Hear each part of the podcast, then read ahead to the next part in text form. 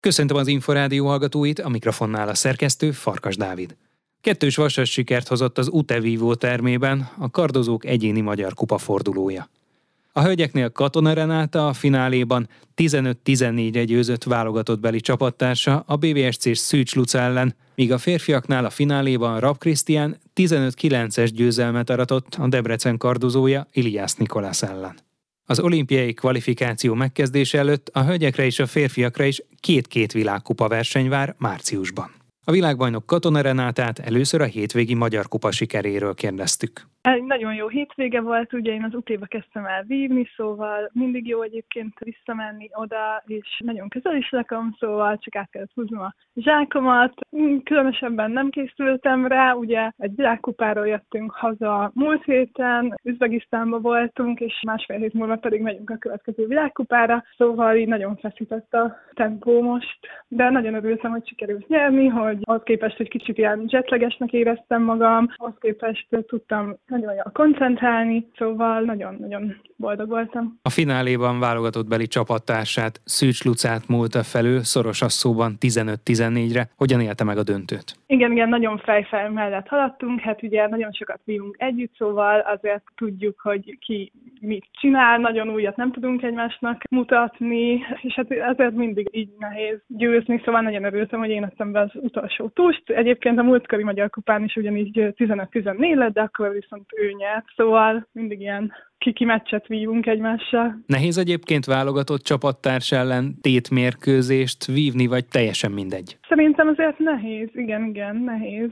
Mert tényleg mindenki ismer mindenkit, hát minden kedd, szerda, csütörtök együtt vívunk a keretedzéseken, ugye válogatott edzéseken, szóval nem nagyon tudunk egymásnak újat mutatni, illetve ugye a világkupákon is azért a bemelegítésnél együtt vívunk, szóval tényleg nem tudunk újat.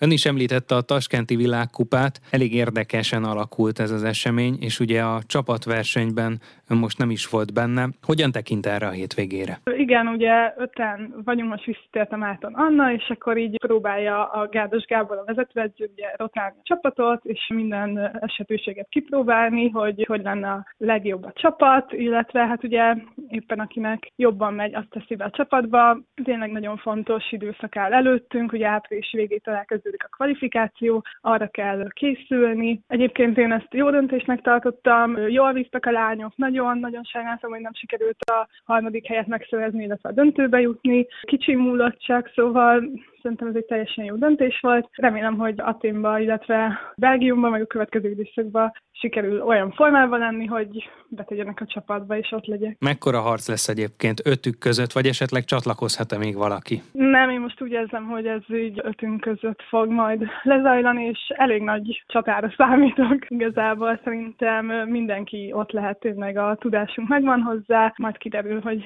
hogy alakul ez az egész. Hogy látja belülről, kinek mi az erőssége? Ez egy nagyon színes csapat, szerintem tényleg így mindannyiunk egy, egy egyéniség, mindenki más tanult, máshonnan jött, más tud hozzárakni a csapathoz, és talán ez a sokszínűség, ami erősségünk. Közeledik az olimpiai kvalifikáció, persze előtte még azért, ahogy ön is említette, van hátra más verseny is, de mennyire kell, vagy mennyire lehet női kardvívásban formát időzíteni? Nyilván lehet, mi is azon vagyunk, hogy az áprilisban kezdődő kvalifikációra felkészüljünk, hogy, hogy ott tényleg azon a világkupán, ami még hátra lesz akkor, illetve Európa-bajnokságon, világbajnokságon a legjobbjunkat tudjuk nyújtani. Ezen vagyunk, és erre jó ez a két világkupa is, ami majd jön márciusban, mert ugye nyilván nincsenek újak, új csapatok nem lesznek, nem mint ilyen nemzetközi csapatok, szóval őket kell majd videózni, hozzájuk kell így igazítani a mi formánkat. Fél évvel ezelőtt világbajnok lett ez az együttes. Mennyire hatott ki a hétköznapjaikra, akár a nyugalmukra az, hogy egy ekkora bravúrt értek el, és aztán itthon az év csapatának is választották ezt a kvartettet az egyéni sportágak csapatversenyében a sportújságírók? Szerintem a nyugalmunkra így nem hatott annyira. Tehát, hogy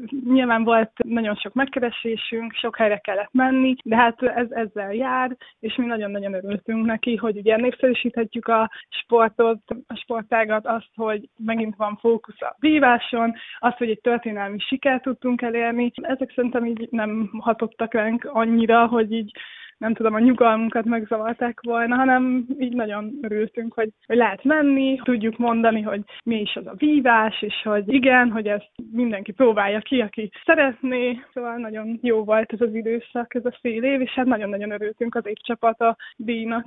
A nyugalmat azt úgy is értettem, hogy ilyenkor, amikor az ember egy ekkora sikert ér el, történelmi győzelem volt, az embernek az addigi legnagyobb sikere a pályafutásában, az ad esetleg nyugalmat a pályafutás folytatására, azon túl, hogy lendületet nyilván igen. Igen, igen, szerintem nyugalmat is, lendületet is, főleg lendületet szerintem. Nagyon fontos volt ez nekünk szerintem, hogy így, így alakultak ezek a dolgok, mert, mert tényleg mindenki úgy ment neki ennek az évnek, hogy na jó, akkor ezt meg kell csinálni, hogy meg fogjuk tudni csinálni, és hogy igen, hogy tényleg van bennünk ennyi, és hogy ezt most már tényleg mindenki látja, és láthatja, hogy, hogy igen, hogy a női kardnak van helye az olimpián, és hogy akár éven is lehet ebből. Katona Renátát, a Vasas világbajnok kardozóját hallották.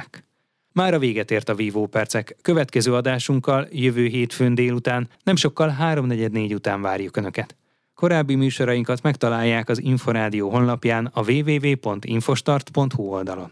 Most megköszöni figyelmüket a szerkesztő Farkas Dávid.